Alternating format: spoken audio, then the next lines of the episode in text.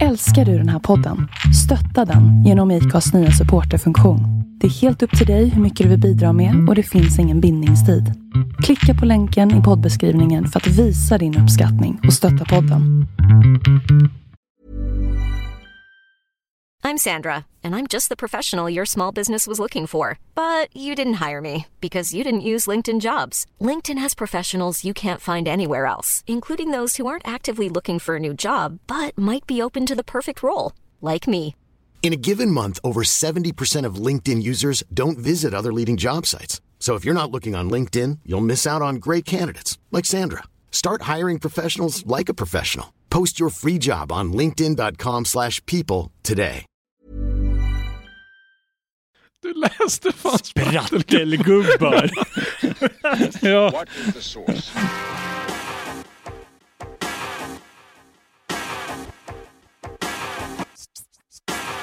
One, two, three, set it!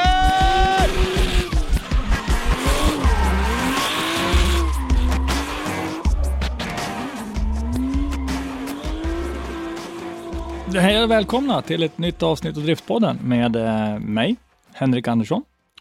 Christer Hägglund och Robban Strandberg. Ja, och vi börjar närma oss säsongen 2021. Eller ja, vi är i februari, men nyheterna börjar ploppa upp, eller hur? Mm. Ja. Känns faktiskt att det börjar bli lite hetare. Ja, för jag menar, eh, vi har ju fått nyheten om att eh, Gatebil Swedish Drift Series har börjat öppna upp sin anmälan. Och så vidare. Eh, det är en hel del vi ska prata om idag. I alla fall. Men först så vill jag bara kolla läget. Eh, Är det bra med dig Christer? Ja då, det snurrar på. Det är alldeles för mycket vardag bara, men det, det är så det är. Robban?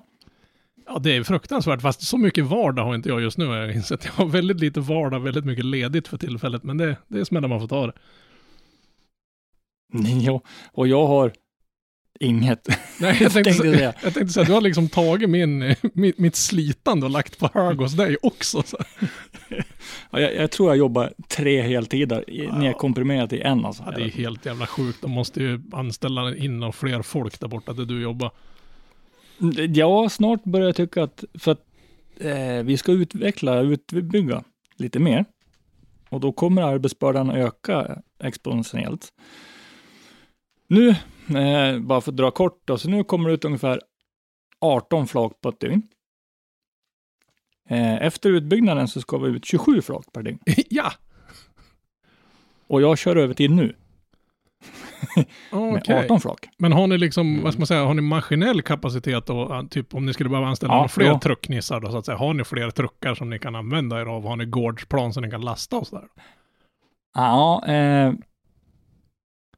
gammeltrucken från 71 får den människan sätta sig i. Det, är Den så, sätter jag mig inte i kan jag säga. det brukar ju vara så. Jag, jag, jag extra knäckte lite på ett godsföretag för en massa, massa år sedan. Då var det hela min första sommar fick jag åka runt i en gammal jävla Komatsu-truck som var så jävla sopslut. Men det var ju liksom besiktad och säker och sådär, men det var ju repig och sätet var ungefär som att sitta på en pappkartong. Äh, fy fan.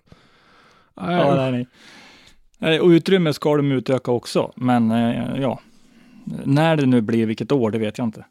Men det är ju Så det gött, blir intressant. gött att höra att liksom inte alla företag lägger sig mage upp i den här som läget är just nu. Så finns det ju faktiskt en del företag som expanderar och går riktigt, riktigt bra också. Ja, ja. Så, så det är inte Alltså, bara misär. Nej, men alltså, vi har- märker ju inte av det, snarare tvärtom. Vi skulle behöva... De vill ha fyrskift. Fast inte på mig som truckförare, men de som jobbar i fabrik då. De vill att fabriken ska gå dygnet runt. Ja, det är klart. Det, det, det är väl mer ekonomiskt försvarbart att ha den bemannad jämt än att den bara står tom någon tid på dygnet. Men det, jag skulle inte vilja jobba fyrskiften. Usch. Nej, de är ju inte så jätteglada när man snackar med de grabbarna. Nog om det. Vi drar väl igång med eh, Simon Olsson, tycker jag. Ja, vi efterlyste ju lite eh, info förra gången och det var ju några stycken som eh, skickade till oss på olika sätt. Så vi får ju tacka för det då. Och eh, det var ju så att eh, den eh, Supran som de byggde förra året och som var klar då förra sommaren, det är den som kommer att skeppas till USA. Det var ju den jag kände till och det var därför jag inte kände igen riktigt när Robban sa att de höll på och byggde en bil som eh, skulle köras i Europa. Men det var ju alldeles sant det där, för att de håller ju på att bygga ytterligare en, en Supra nu då och den kommer att gå här i Europa då. Och eh, de kallar ju det för den europeiska satsningen och exakt vad den eh, kommer att bestå av vet vi väl inte riktigt än, men i alla fall jag känner mig helt övertygad om att Simon Olsen kommer att köra Norwegian Drift Championship på hemmaplan. Men sen får vi väl se om det blir något, om man har några mer ytterligare planer. Men eh, så var läget med eh, vad han ska köra för bil i alla fall. Men det måste ju vara ganska schysst att ha två stycken identiska bilar om man nu bygger två likadana så han har samma setup som motorer och grejer. För det blir liksom bara att gå från, från samma till samma så man inte behöver liksom, vad ska man säga, Mm. sättas in i två olika setups varje säsong. Eller ja, man får ju säkert ha olika per bana då, men, men det måste ju underlätta något fruktansvärt att ha i stort sett samma bil på båda ställena. Mm. Ja, men du har ju så att säga grunden klar. Sen är det lite Bägge. kaxigt att ha två Supra. Det är det ju. Men vet du, jag tror nästan det, det, det är snudd på mer ekonomiskt att göra så än att skeppa bilen. Ja, jag menar, sen tidsmässigt så vet jag sjutton om man hinner skeppa bilen. Det är ju frågan om du hinner liksom palla ditt eget arsle och din personliga utrustning från punkt A till punkt B. Ska du frakta en bil över pölen fram och tillbaka, då måste du ju chartra ett eget plan om du ska hinna. Ja, Nej, det går inte. ja nej, men det ska bli intressant att se satsningen där utav Simon Olsen, helt klart. Mm. Gatubil Swedish Drift Championship 2021 har nu officiellt öppnat sin anmälan. Har ni alla förare anmält er nu då? Vad tror ni? Hur Verkar man, kikar man runt lite på sociala medier så är det två, tre som har redan publicerat att de tänkte anmäla sig och köra. Nu har jag inga namn så här rakt av i huvudet, men det, det är kul att se att folk inte tänkte skriva av 2021 också. Nej, jag, jag tycker intresset verkar faktiskt högt. Skulle Mm. säga. Det, det, är, det är många liksom som skriver på ja, Instagram, lägger upp en bild och många som håller på och planerar och grejer. Så jag hoppas de kommer till skott Mm. och liksom kommer med. Absolut, och det öppnar ju nu i måndags den 15 och är öppet fram till den 28, alltså februari ut. Och eh, man skickar ju en intresseanmälan då till stc.gatubil.no om man vill vara med och då ska man ange om man söker till Svenska mästerskapet eller Svenska riksmästerskapet. Och då är det ju om, så att om man eh, vill vara med i SM då krävs det att man har tidigare tävlingserfarenheter eller meriter för att få delta där. Men det gör det inte i RM. Vad är det, vad är det för Okej, så- meriter så har- som det, det räknas med där då så att säga? Måste du ha varit med i, i typ eh, RM eller, eller typ på den nivån eller kan du ha kört någon lokal Nej. tävling och vunnit eller? Det Men jag kan står tänka mig- gallring i i enlighet med mästerskapsreglerna. Nu har jag faktiskt inte läst på dem, men eh, förut så har du ju kunnat hävdat andra erfarenheter och, och meriter också. Men, och så har man gjort en, en bedömning från fall till fall. Så att det har inte varit något uttalat innan vad som krävs, utan man har gjort den bedömningen från fall till fall. Har vi något, Har något antal hur många de siktar på att ha på, på, på startlinjen så att säga? Ingenting jag har hört. Nej, men alltså siktet är väl 32. Minimum, så att säga. Så att de får full stege. Men det är alltså ingenting som är uttalat. Däremot så har- har det kommit bra, säg att du placerar det bra på RM 2019, så då borde du ha ganska bra chanser att kunna ges en plats i SM.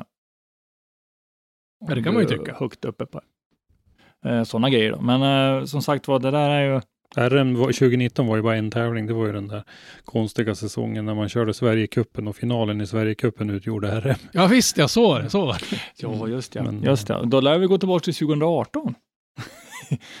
Då kanske men- meriterna är lite kallare. Men även, Mm. även Sverigecupen 2020 där, det var ju, var ju ett antal riktigt duktiga förare med. Det Viktor Andersson bland annat. Viktor kan man ju eh, utläsa, tänker köra SM. De, eh, han och hans team är ju återförsäljare för Fogmaker, brandsläckarsystem. Och de eh, har ju gått ut med att de kommer att vara på plats på alla SM-deltävlingar. Och det tolkar väl jag då lite grann som att Viktor tänker köra SM i alla fall. Så Ja, att, för de eh, erbjuder att fylla system och sånt också. Ja, Så, Ja, precis. Och det ska bli spännande att se om Viktor kan eh, ta nästa steg i, i sin karriär. Han är ju bara ung fortfarande, men väldigt talangfull. Så att, eh, han är en av dem som jag ser fram emot att se i en hel SM-säsong. ja, helt klart. Och sen kommer det bli intressant att se, får vi tillbaks no- några, nu när det blir internationellt tävlande, inte blir så lätt att fixa? Mm. Kommer vi Ja, få vi de som då har siktat Inne sig på det utåt? förra gången också. Ja. Det, jag, jag, jag tror ju att det kan komma att bli så ja, att man, man vågar inte chansa på att anmäla sig till en internationell serie utan då väljer man att köra eh, STC det här året och eh, komma igång. Ja, för det gäller att hålla sig varm också. Så. Mm. Det gör ju det och vi vet ju, det byggs ju lite bilar lite här och där och, och så där så att kommer man med en, med en ny bil också så kanske man, eh, Anders Haj till exempel är en som har gått ut med nu och visat upp sitt nybygge och eh, Anders har ju kört i, i eh, Fias eh, North, vad heter den? NES, NSZ. Mm. Eh, och eh, kan ju vara en sån som kan tänka sig köra SM då för att köra in en ny bil och komma till rätta med alla små barnsjukdomar på en sån till exempel. Men det ska bli Ja. riktigt kul att se. Vi hoppas att förarna anmäler sig nu. Så. Ja, för att alltså en ny bil, du kan ju inte räkna med att ha den bilen i, i 110% konkurrenskraftig första året. Alltså, du måste ju köra in Nej. dig i bilen, du måste ju testa ut den, barnsjukdomar, ja, Mm. allt sådär. Sen är det Men bara jag att tror hålla, ändå- hålla tummarna för att det blir en, en hel säsong i år. Vilket Mm. jag i och för sig tror om de inte helt sonika bara inför ett tävlingsförbud med all form av idrott i Sverige. Men jag tror ju att publik eller inte så tror jag de kommer att köra en, en hel säsong i år. Mm. Jo, men det Ja. lät ju som att de skulle göra det oavsett. Mm. Ja, men och sen är det väl på gång, som jag har förstått det, så vill ju regeringen ändra lite grann i den här pandemilagstiftningen så att den blir lite mer eh, justerbar eller vad man ska anpassningsbar.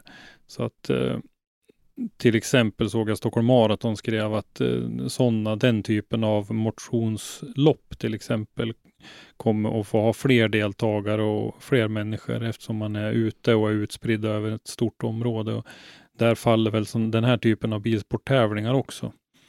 Att eh, kan du ta in, för jag menar på, på Mantorp Park, om vi tar den som exempel, så där kan du ju ta in många hundra människor utan problem överhuvudtaget eftersom läktarna står så långt ifrån varandra och är så stora så kan du ju ha massor med folk där utan att man överhuvudtaget nätt och jämt ens ser varandra. Ja, nej, men Ja. precis. För jag menar, nog för att det brukar Mm. vara ganska gott om folk under gatubil till exempel och sådana saker, men det är ju inte fullt.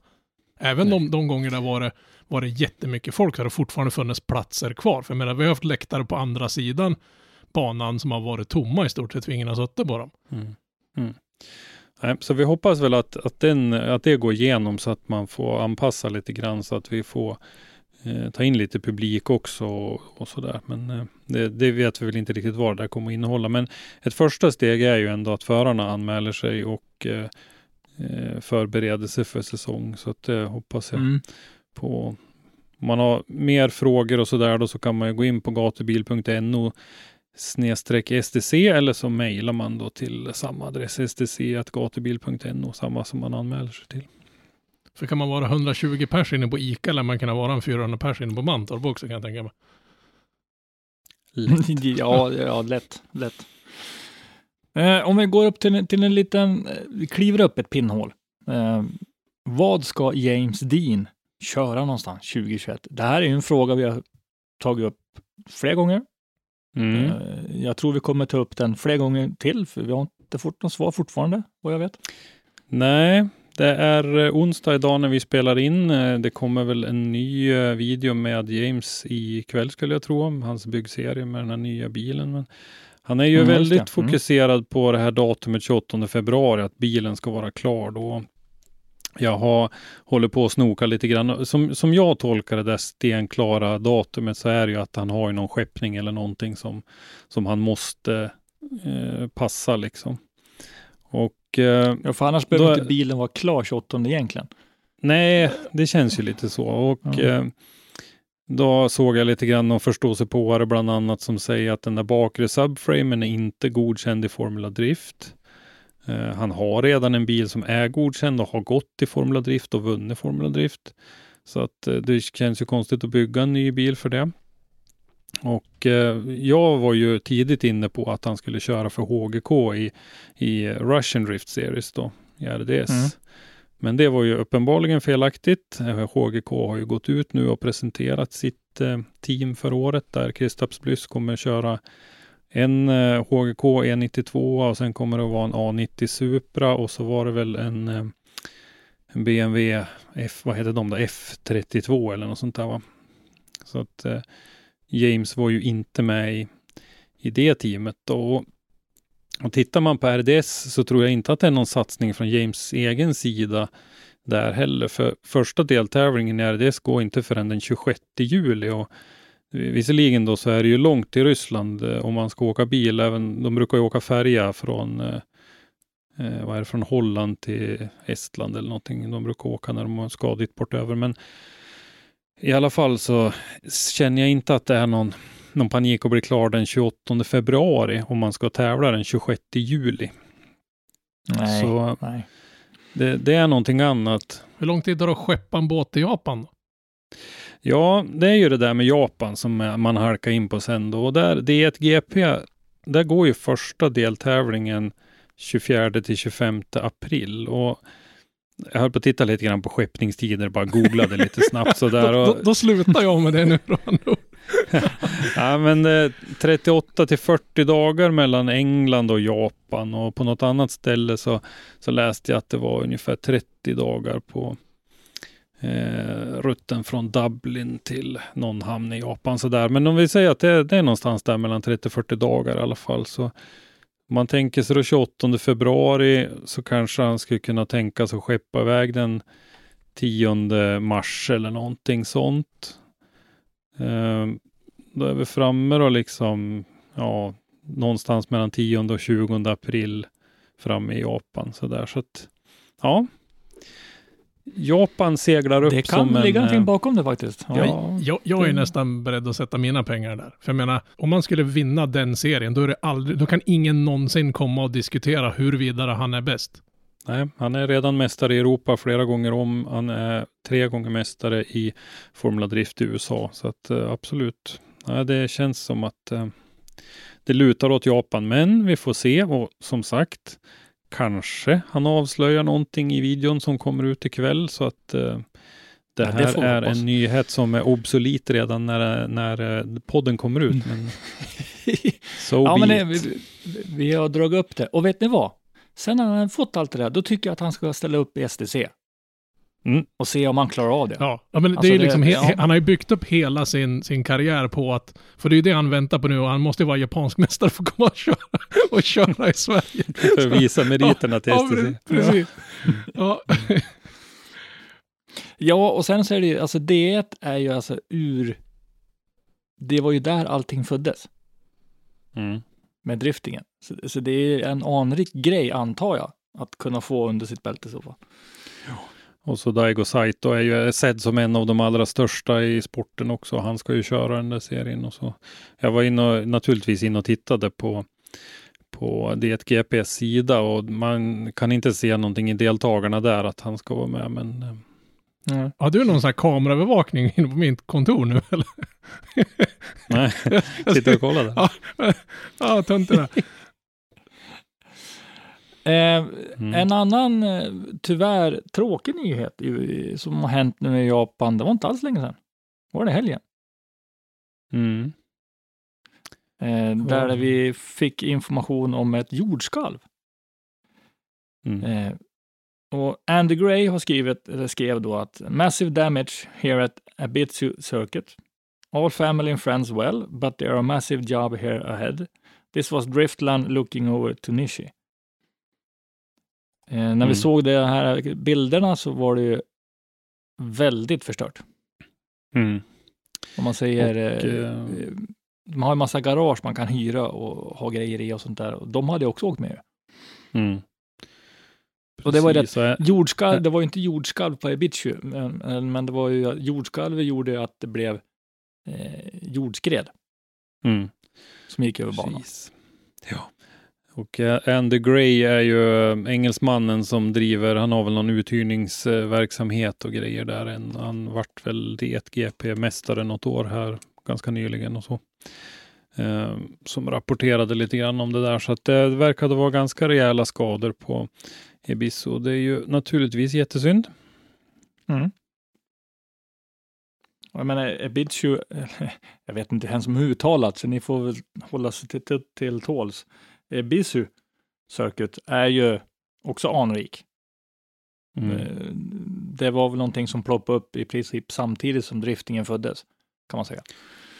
Och det är någon djurpark och grejer där också. Jag skrev, eller såg att de skrev att alla djuren hade klarat sig i alla fall. Och så, för det är ju också naturligtvis känsligt när det är sådana där grejer. Mm. Eh, ni som har lite mera, eh, eller jag kan fråga Christer, du som har lite mer historiken kring driftingen. Du har ju där, där eh, berget som hette vad då? Inte. Oj. Nej. Toga, Toga. Vad sjutton hette det? Ja, nej, det där kan jag inte. Ja, det, var, det var i alla fall det berget som, som är, som är alltså, säga, själva ursprunget. Det var där lokalbefolkningens ungdomar eh, började eh, drifta ner för det berget i alla fall. Någon som vet får gärna skicka ett mejl eller ett mess eller ja, någonting på våra sociala medier och upplysa mig om namnet på det här berget. Du får säkert något argt mail ifrån, från oss snart. Kanske Kvist som hör Ja, men- av sig och ja. ger en uppläxning. Ja, men det, det är bara bra. Alltså, jag vill lära mig mer om historiken, för det, det, det går att läsa sig till det, ja, men då ska man ha tid att sitta och läsa också. Det, det, är för, det är för mycket en- att hålla rätt på. Ja, precis. Men, men från en, en tråkig nyhet som var jordskalvet och eh, allt det, till en intressant sak som, som jag är väldigt nyfiken på. Och det är nämligen då att Rickard Johansson har ju varit med i våran podd ett tag. Och han är ju då The Motorsport Rescue, The Motorsport Rescue Guy. Och han har startat en podd, hörde jag. Precis. Det har han gjort. Han har släppt ett avsnitt och jag vet att han har redan spelat in något eller några fler. Och det handlar ju om naturligtvis om motorsportsäkerhet. Och eh, det var lite kul faktiskt för att eh, Rickard nämnde oss och att han hade varit med i vår podd när han presenterade sitt eh, första avsnitt. Så det tackar vi för. Eh, och eh, första avsnittet då så intervjuar han, eh, eller Max Lundgren är första gästen kan man väl säga. Och Mm. pratar Mm. mycket om säkerhetsarbetet på dels på Mantorp Park, eh, där ju Max är eh, Ja, det heter någon sån där operations... Eh, eller, en, han är verksamhetschef eller någonting. Han är kalif där helt enkelt. Ja, han är kalif där, precis. Och Det är han som eh, pekar med sen hela så handen. pratar de lite grann också då om, eftersom Max är tävlingsledare på ganska många olika slags tävlingar, då är det ju inte bara drifting, utan det har ju varit väldigt mycket racing också. Eh, så han har ju den, den synvinkeln också på det där och så sen även då ur ett utskottsperspektiv, eftersom han har varit ordförande i driftingutskottet nu i några år. Han har ju precis just klivit av det. Så att eh, det varit en del eh, intressanta diskussioner och Rickard och Max är ju två personer som känner varandra väldigt, väldigt väl. Så att det, det var bra. Det var lite dåligt ljud på Max. Han hade något kall tjall med sitt headset, men eh, för övrigt så var det ett riktigt bra avsnitt. och Riktigt bra av Rickard och eh, dra igång och leverera den där kvaliteten från början tycker jag. Så att det där ska bli intressant. Och nu råkar jag veta vad avsnitt två kommer att handla om också och det kommer att bli en, in, intressant intervju det också med en person som är väl, mycket, mycket välkänd inom det här. Så att där eh, väntar vi på, på fler avsnitt. Jag, Riktigt bra, för att motorsportsäkerhet behövs ju verkligen höjas mer. Alltså, så Mm. det. Sen var det en riktigt bra kvalitet på grejen. Han har, han har en väldigt bra poddröst tycker jag. Han är väldigt, Mm. det, det är väldigt bra röst att lyssna på. Så jag ser verkligen Ja, fram emot att, att, att följa. Och Han skulle spotta ut ett avsnitt i veckan tror jag. Om jag Mm. inte är helt ute och cyklar. Så det, det blir jäkligt Mm. bra. Så lägg det på Mm. typ, Ja, typ eh, så här söndag eller någonting sånt där. Så har jag någonting att lyssna på på måndag när jag står i studion igen. Jag tror tyvärr att det var tisdagar, men Ja, okej, men det, det kan funka. Mm. Och eh, för den som inte vill vänta på Rickard och få höra mer av honom då så finns ju avsnitt 45 och 46 av Driftspodden också som man kan gå tillbaka och lyssna på där vi pratar om motorsportsäkerhet men med, med drifting naturligtvis då i, i huvudsak. Men det är jäkligt bra att någon lyfter, lyfter det där ämnet som han pratar om också. Han brinner ju verkligen Mm. för det där. Det är, det är få människor jag har pratat med som är så insatt och, och som brinner så otroligt för ett ämne som han gör för just motorsportsäkerhet. Så det ska bli fruktansvärt roligt att lyssna på. Men det märkte vi av bara de här diskussionerna vi hade före och efter vi spelade in avsnittet där med han. De var ju Mm. nästan ännu mer intressanta än, än, än, än, än det vi producerade som ett avsnitt så att säga. Nej, Mm. så det ska bli, jag, jag ser väldigt, eh, väldigt stora förhoppningar om det här. Jag tror han kommer att infinna alla dem faktiskt. Mm. Då kan man alltså nästan lite så grann säga att vi, vi liksom födde en liten tanke hos andra när vi spelade in Vi, vi, vi kanske inspirerar han till det där. Ja, och som, eh, som det stod då så var det ju fler som hade eh, gått på honom med, med den tanken också att han borde göra en egen podd. Så att de slapp höra oss gagga mitt i alltihop. Ja, ja men precis. Men, men, eh, De vill inte Ja. höra oss, de gör... Ja, ja. nej, men precis.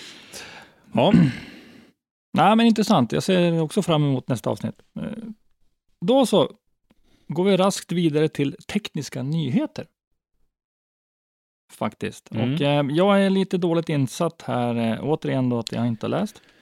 Som men vanligt. eh, det gäller ju faktiskt användandet av lustgas och det är ju en lite intressant slump faktiskt att det är ju en återkoppling till just vårt avsnitt, ett av våra avsnitt med Rickard, där jag minns att Andreas Staberg frågade om just användandet av lustgas. Och eh, varför det inte är tillåtet. Och eh, det såg ju egentligen inte Rickard några hinder för. Och nu så har faktiskt eh, driftingutskottet då i protokollet eh, som eh, är från den 26 januari diskuterat det här och att man ska faktiskt snabbutreda och se om eh, vi kan tillåta lustgas även i Sverige. För det är ju tillåtet i flera andra internationella regelverk bland annat. Och, och det blir ju en, ett litet hinder då om man planerar att köra i en utländsk serie eh, eller en internationell serie där man vill köra med lustgas. Då kan man inte tävla med den setupen i Sverige och så vidare. Så att man, eh, man har ju ett uttalat mål att skapa ett regelverk som är enhetligt med, med de andra internationella regelverken och så där. Så att det här är ju ett steg alldeles helt i rätt riktning tycker jag. Mm. Så Mm ja, det, det är positivt. Det som det jag vet har varit lite diskussioner ibland, det är ju eh, de här miljömässiga bitarna av det här. Ibland när man måste, kommer jag inte ihåg vad det heter, när man måste skicka upp lustgasen, eh, skicka ut den liksom när man står på startlinjen. Man ser det där ofta i dragracingen till exempel. Att det, Det är bara för att mata fram så att det är fullt med, med vad ska man säga, kall vätska hela vägen fram. Istället för att Mm. har någon, har någon halvfesen blandning med någon sån här byxljummen gas i den som inte ger lika mycket eh, skönt i det hela. mm. Och det där är en sån There's never been a faster or easier way to start your weight loss journey than with PlushCare. PlushCare accepts most insurance plans and gives you online access to board-certified physicians who can prescribe FDA-approved weight loss medications like Wigovi and Zepbound for those who qualify. Take charge of your health and speak with a board-certified physician about a weight loss plan that's right for you. Get started today at plushcare.com slash weight loss. That's plushcare.com slash weight loss. plushcare.com slash weight loss. Hiring for your small business? If you're not looking for professionals on LinkedIn, you're looking in the wrong place. That's like looking for your car keys in a fish tank.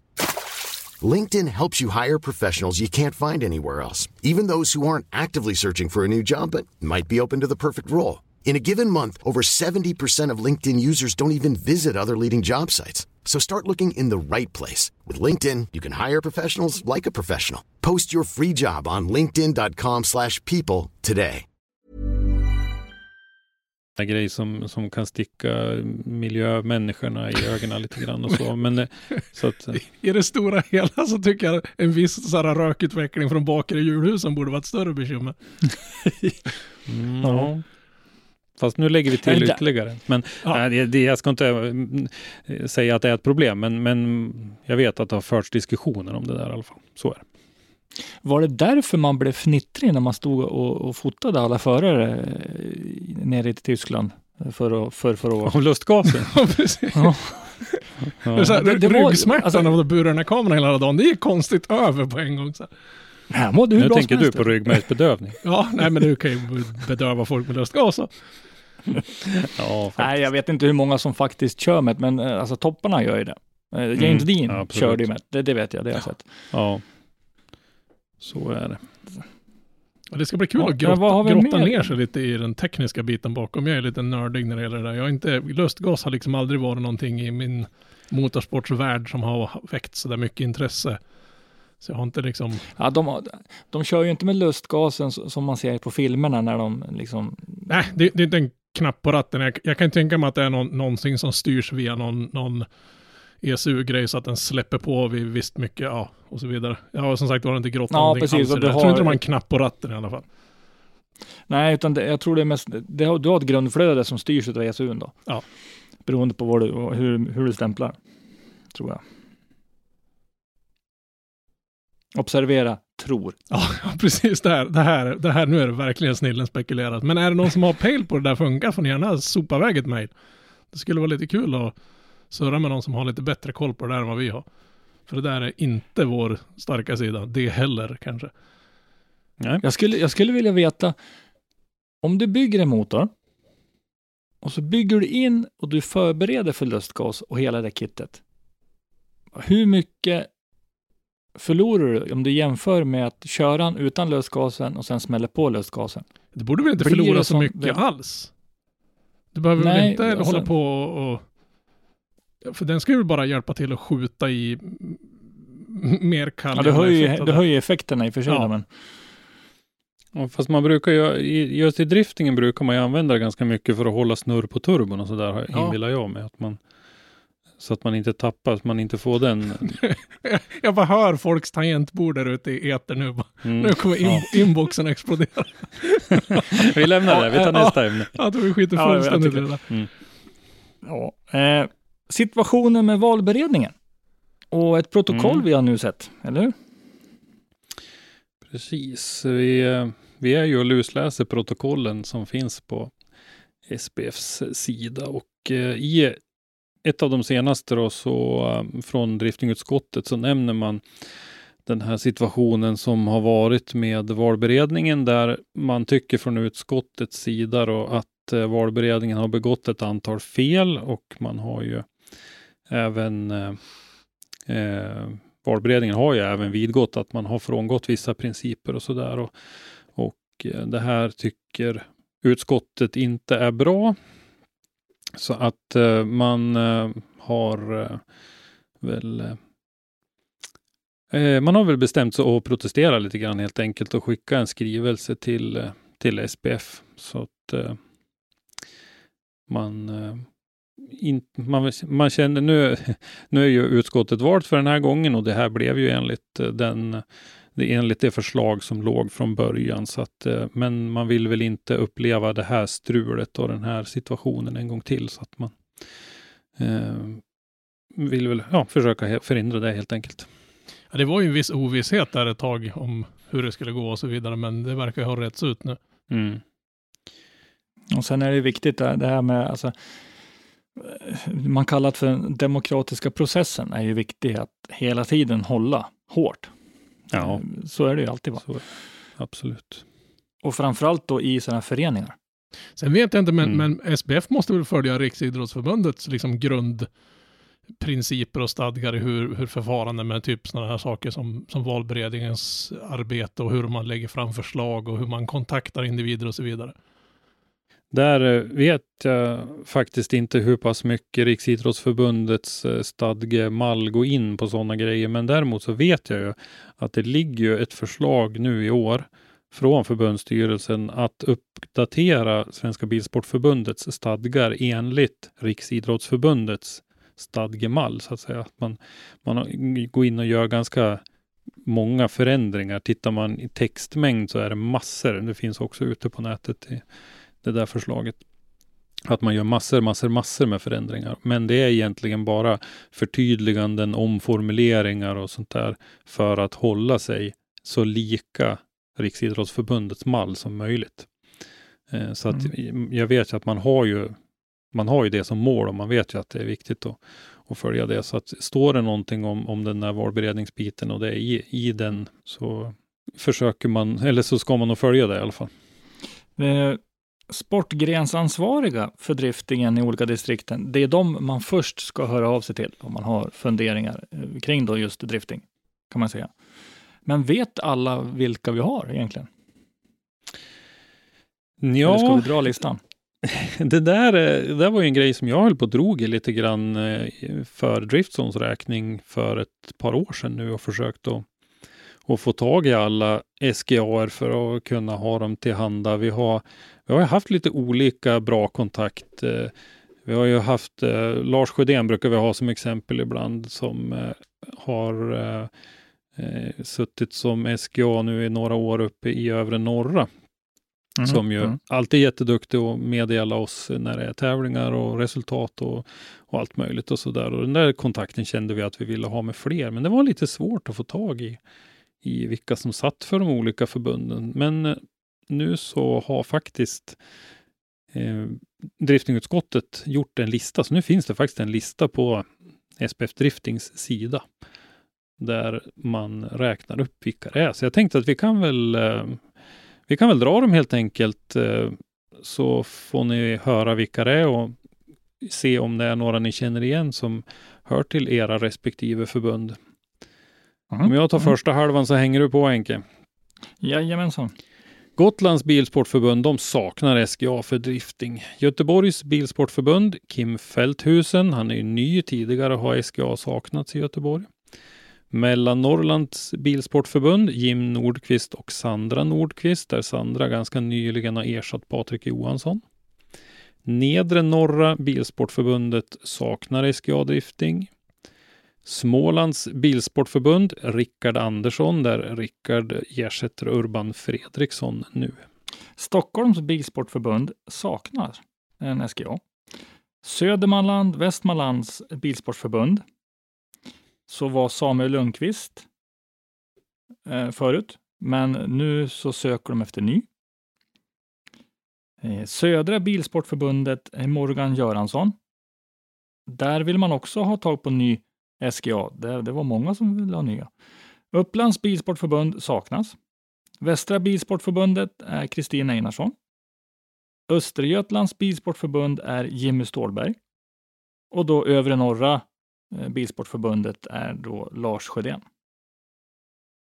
Men Precis. det finns en del, del positioner, så är, är det någon intresserad så får ni ju väldigt gärna eh, tänka både en och två gånger på att ställa upp kanske. Mm. Och det där blir man ju invald i då av sin eh, respektive eh, regionstyrelse så att säga, som utser sin SGA för sitt distrikt så att säga.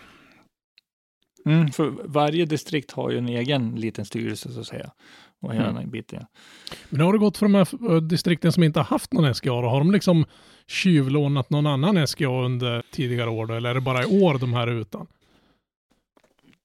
Nej, det har nog inte funnits någon alls. Det är ju en del distrikt där det inte finns så mycket driftingaktiviteter. Gotland har jag inte hört någonting om alls till exempel. Det finns ju faktiskt en bana på Gotland, men jag vet oh, ja. inte om man kör någon drifting på den. Men men eh, nedre norra tycker man ju också Gävletrakten och där att det borde finnas, men det, det gör det faktiskt inte. Stockholms Bilsportförbund, där vet vi, där har vi ju ett antal förare i alla fall som ju ja. borde. Och Göteborgs, där kommer ju de faktiskt att komma nu med, i och med Borås då. Mm. Nej, och det är ju liksom den eh, naturliga punkten eh, som ska ta ärenden från förare och föreningar inom sitt distrikt och ta det vidare till, till eh, utskottet eller vart det nu behöver tas. Eh, så att han ska ju bli som en, en, vara som en, en sambandsmänniska mellan distrikt och, och centrala förbundet. Ja, men det, det är ju alltså förbundets eh, förlängda arm ut Mm. eh, som ska kunna ta hand om våra utövare. Vad tycker ni om Fredrik eh, Ösbus, eller Åsbu och hans nya livery då? Har ni sett den? Mm. Jag tyckte det var mycket Chelsea Denofa, ja. Jag tycker det ser ut som vilken annan Rockstar-pryl som helst. Det var liksom bara, jaha. Mm. Ja, det, Ja. var- det, var, inte- det var inte lika mycket gult, det var mer guld då. Ja, det var lite meh. Ja, den är ju snygg, alltså. det är inget fel rent designmässigt så, men det var inte någon sån här, Ja, nej, nej. woho, vad utstickande den där var. Nej, den sticker inte ut. Alltså, det, de har ju piffat till den lite grann med guldkombon istället då, men ja, li, jag skulle vilja se en lite mer vild faktiskt. Mm. Ja, vi får se. Det ska bli spännande att se Fredrik den här säsongen också. Jag tror inte att Fredrik är nöjd med fjolårets säsong som eh, började bra och som Nej, vi, vi pratade ju en hel del om Fredrik i säsongssammanfattningen och att eh, han, han är nog inte nöjd med det där, det tror jag inte. Jag tror nog att han sitter hemma och resonerar att det kan inte gärna bli mycket värre än vad 2020 var. Det Nej, det, var för nej, alltså, det, men- det, men ja. Eh, Jag kommer tillbaka till det här att det störde mig något helt fruktansvärt att de inte körde kval. Liksom det, ja. Ja, jag har fortfarande inte fattat det, alltså deras kvalgenomförande. Det, liksom, det, det övergår mitt förstånd. det var ju inget kval, det var ju någon form av eh, lotteri. ja, men deras, ja, men deras lotteri och... och Ja, men alla det var ju, det var ju bara sjukt. Nej. Ja. Vi har, vi har berömt dem för att de genomförde en säsong där borta i Formula Drift eh, f- 2020 med allting som var. Det, det ska de ha cred för, men eh, det där med kvalandet, det... ja, de tappar ju en hel del körtid killarna. ja, men det var ju Mm, inte ja. bara lotteri heller. Det var ju lotteri och någon jävla meritlista som låg i bakgrunden. Ja, från, från tävlingen innan eller om Ja. det var tabellen som gällde. Jag vet inte heller. Det var Jag vet, frågan är om de verkligen vet själva hur det gick till. Nej. Eh, om vi pratar utskott och, och Svenska Bilsportförbundets driftingutskott så kan vi hoppa över på det lite, lite större utskottet som då är inom FIA. FIA Drifting Commission. De jobbar för närvarande med att skapa ett internationellt driftingreglemente från, och lyssna noga nu, från gräsrotsnivå till internationell nivå. Med syfte då att underlätta för både arrangörer och tävlande. Mm.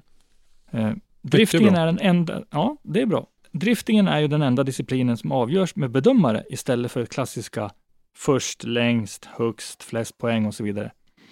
Så har FIA tagit hjälp av inte damen med namnet FIA utan då alltså federationen FIA. De har tagit hjälp av både professionella förare och rutinerade bedömare vid utformandet. Planen för att det här ska vara klart är alltså inom två år. Jag tycker spontant att det är bra faktiskt. Ja, nej, men det, det, det är lite skönt att de inte bara sitter liksom ett gäng byråkrater på ett kontor och tycker nu ska det vara ett reglement, utan de går ut och frågar de som faktiskt håller på med den här sporten. Mm. Det är bra för att annars så blir det ju lätt så att man börjar lite grann som eh, frikörningsreglementet har kommit till och som eh, man har berättat om hur det har gått till med, med gatubil och sådär. Att man har börjat och gjort på ett visst sätt och sen har man skrivit ner hur man gör. Mm. Eh, att det har liksom verkt fram med åren och, och börja, ska ett nytt land börja med, med drifting så underlättar det ju väldigt mycket om de utgår ifrån samma grund ungefär som, eh, som grannländerna. Så att man inte behöver den här eh, långa anpassningstiden som vi har haft till exempel. Men är inte det lite charmen med drifting, att den är inte så jävla, vad ska man säga, byråkratiskt styrd. Det är mer liksom lite känsla i det hela. Det är mera, ja, mera livsstil än vad det är Ja, men samtidigt om, om sporten ska Ja. kliva upp i finrummet så att säga, då måste de ju ha ett internationellt reglemente där, där du kan ta din bil och släppa den i vilket land som helst och den ska i stort sett vara fit to go. Du ska inte bara bygga om halva bilen bara för att du åkt över en gräns.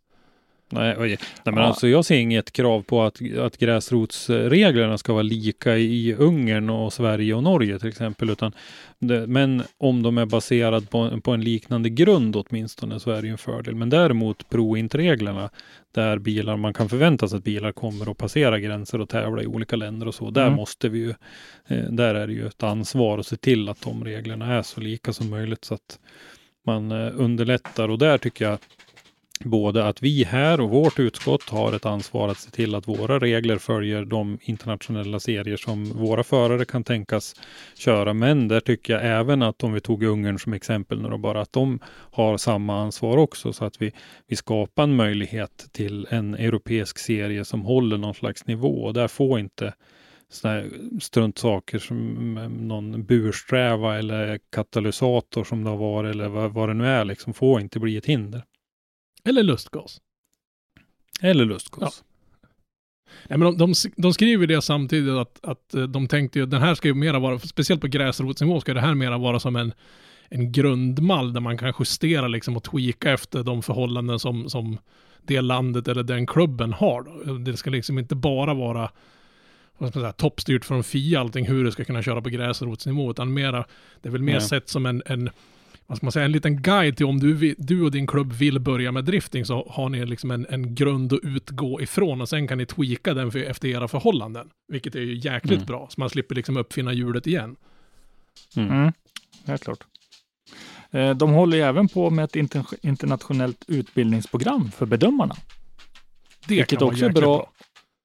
Mm. För att få alltså en, en enhetlig bedömning. Nu pratar vi ju högsta serierna i, i tävlingsdriftingen då, men där behövs det ju verkligen enhetlig bedömning. Men samtidigt om du kan plocka ner det till, till entry level grejen så att all drifting bedöms på samma sätt. Så även om Mm. du har kört Ja, gräsrotsnivå, då ska du inte klättra upp till nästa serie. Då bedöms olika saker på ett helt annat sätt, så du får nästan börja om igen. Så det är jäkligt bra Mm. att det är liksom en grundregel i hur det ska bedömas. Ja, Absolut, och där har vi också kommit ganska långt på, på de här senare åren nu, men då har det ju varit av egna initiativ. Dels att eh, vi i Sverige och Norge har lyft hit eh, Ryan Lantain och vi bedömer ju nu enligt eh, Formula Drift-modellen kan man ju säga.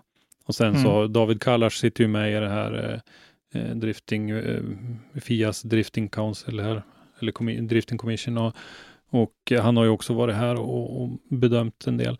Så att vi har ju kommit en bit på väg med det där genom att skicka runt de här bedömarna på olika ställen och att, man, att de har fått lägga grunden till det här. Men att det kommer på, på papper ifrån FIA och, och det här tycker jag är bara en fördel. För då, då kommer det att göra sig själv sen. Om man likriktar hur bedömningen går till i de högsta serierna. Då kommer sen att rinna neråt. För då kommer de underliggande nationella serierna i varje land också att följa samma. Därför att man vill ju lära sig att bli bedömd på det sättet man gör upp i, i, högsta serien så att säga. Om man har som mål att komma upp till högsta serien. Om man ska köra Sverigecupen som det var här nu för några år sedan så vill man ju ha samma bedömningsgrund där så att du kan ta det från Sverigecupen via RM och SM och, och sen ut i Europa om, om du får möjlighet. Och sen, ja, ja, sen börja jobba in sig med vad, hur bedöms man? Och få in, Mm. Som förare så kan det vara viktigt att ha den känslan att bedömarna kollar så här. Mm. Men det kan ju även vara underlätta för, för sådana som tänker satsa på att bli bedömare. Och liksom veta Mm. vad grundnivån är. Och liksom det kanske, jag vet inte om de tänkte köra någon form av utbildningsmaterial eller någonting sånt där. De tänkte, hur långt de tänkte ta det här. Så man kan typ gå en Ja, bedömarutbildning till exempel.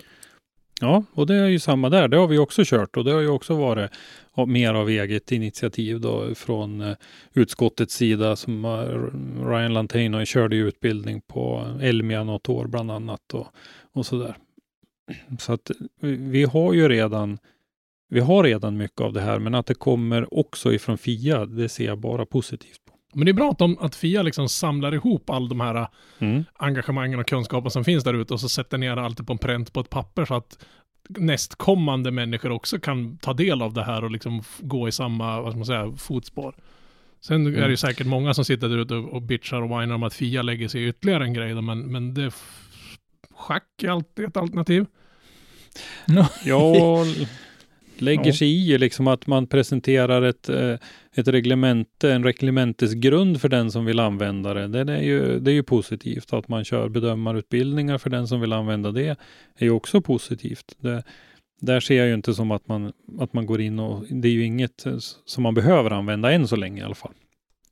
Så att det, här, det, det de har presenterat tycker jag i den här nyheten, i den här pressreleasen ser jag som positivt. Ja, det behövs ju en liksom uppryckning om vi, om vi ska in i finrummet så måste vi ju, bland de andra stora sporterna så att säga, så måste vi ju följa samma normer och regler som de kör med. Ja, det måste ju bli enhetligt. Det, så är det ju. Om vi nu tar och sladdar tillbaka till Sverige då. Eh, Skellefteå kommer ut med en väldigt trevlig nyhet tycker jag, som jag ser som väldigt positiv. Och det är Mm. alltså då Skellefteå Motorsport säger vi. Motorsällskap tror jag. Ja, motorsällskap, ni ser. Ja. Mm. God morgon. Eh, Skellefteå MS har alltså nu börjat satsa på ungdomar. De har väl kanske börjat satsa mer på ungdomar. Eh, i utskicket jag läste så står det har tänkt göra en ungdomssatsning och det har de gjort från början. Men alltså de har ju tänkt förverkliga en, en stor satsning om man säger så. Och i samband med det söka bidrag till att bygga om och bygga ut banan i Klutmark. Och det gäller ju i huvudsak för de som är under 25 eller de då som har egna ungdomar som kan känna ett intresse på att prova på drifting. Och det finns väl ganska många i den yngre skaran, Mm. vad jag tror i alla fall. Och så är det väl alltid Absolut. positivt när man bygger ut nya banor, liksom ge oss möjligheterna att att åka till fler ställen och tävla på sikt. Det är ju liksom, man, man blir glad när man läser sånt här. Klutmark är ju en av våra mest använda banor redan. Förra året så mm, slog de sig för bröstet och sa att de hade mest körtillfällen i hela Sverige. För, så att, Å andra sidan, Det- i, det är fjol, ju- i fjol är inte det någon jättemerit att komma på att man har flest körtillfällen. ja, ja, men, ja, ja. ja, det är klart några tappar vi. Men tittar vi på, på gräsrotsnivån och så här med driftbash och, och, och de, den typen så körde ju de ungefär Ja, som ja. de har brukat gjort andra år. Så att, eh, men eh, jag vill bara säga att Klutmarksbanan är välanvänd. De har redan en, en väldigt fungerande eh, verksamhet och nu så vill de satsa ännu hårdare och det är ju jättekul. Så att de hade ju en namninsamling här och eh, den var jag ju med och skrev i naturligtvis eh, för att hjälpa dem att få de här eh, verksamhetsbidragen så att de kan Mm. komma igång med den här utbyggnaden. Ja, eh, alltså ungdomarna som, ungdomarna som kan känna intresse av att prova på drifting eller köra EPA på banan står det till och med. Mm. Men det har vi ju sett här uppe i, på Mittsverigebanan så har det varit ett gäng som har varit och, och kört ganska bra och alltså gjort ordentligt bra ifrån sig med på traktorer. Det var lite haksläpp första gången jag såg en sång, för jag har också haft Ja, en epa. det Inte fan, inte fan gick den så där fort, det kan jag säga. Nog för att den gick fort, men det där var inte en epa i mina ögon. Men det, det var skitkul Mm. att se i alla fall. De var riktigt duktiga att köra. Men Jag vet inte om det var någon slump, men de hade ju inget traktorkort någon av dem kvar. Nej, nej, det kanske de inte hade. Nej. De kanske hade varit Nej, lite... så de körde ju bara, de körde ju bara de där på banan. Ja, nej, det, det var i alla fall jävligt roligt att se. Det är, Mm. ja, det är riktigt kul. Men det, det är som sagt det, det Skellefteå MS gör är ju, alltså de ska ha en eloge. Det är Ja, absolut. det, det, det liksom värmer när man hör att fler klubbar verkligen satsar stenhårt på det här. Mm. Vi ska hugga någon där uppe i Skellefteå och prata med någon gång framöver här. Så Ja, att det tycker jag verkligen. höra lite mer om den där satsningen för att det är som sagt eh, jättekul att, att höra och det är, eh, det är mycket, mycket verksamhet där uppe och det eh, körs, alltså det är flera av de där banorna uppe i övre norra där som har, de kan ha träningsdagar en dag i veckan liksom hela säsongen och det är fantastiskt roligt. Sen är det väl lite olika hur många som jag kör på varje, men, men bara att det är öppet och att det är några där och kör är ju, är ju fantastiskt. Och det räddar ju Ikeas parkering på helgerna om inte annat. Men alltså, Mm. det, det, det, det jag menar, det är liksom en jättebra grej att det finns sådana här tillfälligheter och sådana här möjligheter. För då, då, då minskar ju risken att det enda stället man kan ha roligt på och göra sådana här saker, det är på någons parkering. Där det inte är någon Mm. säkerhet och det blir ett jävla liv i media och sådana grejer. Och polisen är jättebitter över att de är där. Alltså det här, Mm. det här tror jag både gagnar motorsporten och liksom motorkulturen generellt. Absolut, det tror jag också. Och sen så ser man ju att man har, de har ju förhoppningar också för att när de, om de får genomföra det de vill nu då, i den här ombyggnaden så, så tror de ju att de kommer att kunna få en eh, bana som det skulle gå att köra en SM-deltävling på. Har ni det där Så nere? att, Nu, eh, nu är det tre banor norrut. Ja, Nej, men de, det är ju klart att man ska ha det som målsättning och sen eh, vad, det, vad det blir av det och vad det blir för tävlingar och så, det är ju en annan sak. Men att, att ha det som mål. Då. Om inte annat då ge de egna förarna den möjligheten att träna på en, en bana som håller eh, den nivån. Är ju, Ja, det, det måste ju ju- vara väldigt värdefullt. ja, absolut. Ja, alltså det är kul och, och sen dessutom då att, för vi man, man läser ju, inte varje dag, men nästan i alla fall, att det, det är ju epor som är ute och eh, andra 740s och andra typer av bilar som är ute och, och, och sladdar rondellerna och så vidare. Och där uppe där jag och Christer bodde har det till och med gått så långt så att det är ett stort sådant här köpcentrumområde. Där är det förbjudet att köra bil efter viss tid på, en, på helger och kvällar och vardagar och sådana grejer. För där har det varit ett Ja, ser. seriöst Ja. problem. Det har inte varit typ, vad heter det, nere i Elmia, A6, visst heter det det? Det har inte varit Mm. riktigt så illa, men inte, ah, sen har det Ja. varit långt ifrån. Det har stått en del brinnande bilar och folk som har lämnat soffor och hemmabyggda grillar utanför Ikea och sådana saker. Ja, det där drar ju med sig en massa andra problem med både fylla och droger och det har ju varit ja, det är mycket annat eh, som, som man inte vill. Men eh, vi, vi lovar att vi ska hugga tag i någon i Skellefteå och prata lite mer om den här satsningen framöver. Det, det ska vi göra. Och med den bomben, så nästa avsnitt blir ett intervjuavsnitt med en väldigt välmeriterad driftare. Vilken tror ni vi, vi är ute efter? Vi säger ingenting Mm. nu, men ni kan ju få spekulera, kanske. Inga ledtrådar eller så. Nej, välmeriterad driftare. Det, det, det, Vi har ju det, för det sig finns ett gäng. ganska många sådana i Sverige så det är rätt, Ja. rätt tungt att gissa. Jag kan väl säga att han har, han har Ja, han har nog kanske Var det en han alltså? sex Okej, mm. pokaler i eh, bokhyllan tror jag nog han har. Ja, om man säger Mm. så, välmeriterad driftare är väl kanske lite i underkant för den här personen. Mm. Det är det. Vi eh, kommer att spela in i början på nästa vecka så att nästa fredag så kommer ni att få höra det. Det ska bli riktigt kul faktiskt och prata lite mer med den här personen. Och med det, mina kära eh, damer, herrar, driftare, eh, alla andra, så får vi väl önska er en fortsatt trevlig kväll och vecka. Ta hand om varandra. Ha det bra. Hej då! Hej då! Tack för att du har lyssnat. Lyssna gärna på våra tidigare avsnitt och glöm inte att ge oss betyg i din podcastapp. Har du ett ämne eller en gäst som du vill att vi tar med i Driftpodden så skicka oss ett meddelande på Driftpoddens sociala medier eller skicka ett mejl till oss på driftpodden gmail.com. Dagens sprattelgubbar var Henrik Andersson, Christer Hägglund och Robban Strandberg. Ljudpåläggning och slutmix Robban Strandberg. Produktionsåret var 2021.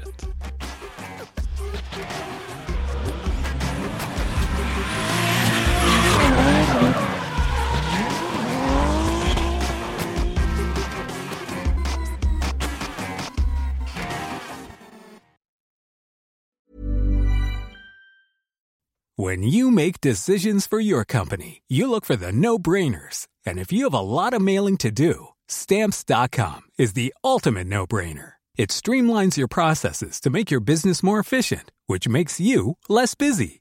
Mail checks, invoices, legal documents, and everything you need to keep your business running with stamps.com.